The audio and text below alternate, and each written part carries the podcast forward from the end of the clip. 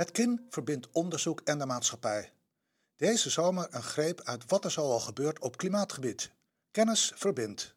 Vandaag in editie 10 van de KINcast economische argumenten voor klimaatactie. Extreme weersomstandigheden, verlies van natuur en van onze leefomgeving, de schadelijke effecten van klimaatverandering op onze leefomgeving zijn bekend. Maar hoe vertaalt die schade zich naar de economische gevolgen van klimaatverandering? Nieuw onderzoek, gepubliceerd in Nature Climate Change, heeft dat in kaart gebracht en laat zien dat intomen van de klimaatverandering ook gunstiger is voor de economie. Het beperken van de klimaatverandering tot minder dan 2 graden Celsius kost overheden veel minder dan het repareren van de schade door verdere temperatuurstijgingen, zegt hoofdauteur Kai Ivar van der Wijst.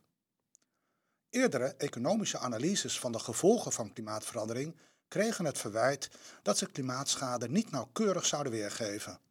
De nieuwe studie vertaalt nu voor het eerst de wereldwijde schade van klimaatverandering naar economische schade.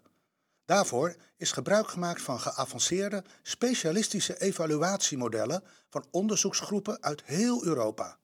Vervolgens is berekend hoe deze schade zich verhoudt tot de kosten van emissiereductie.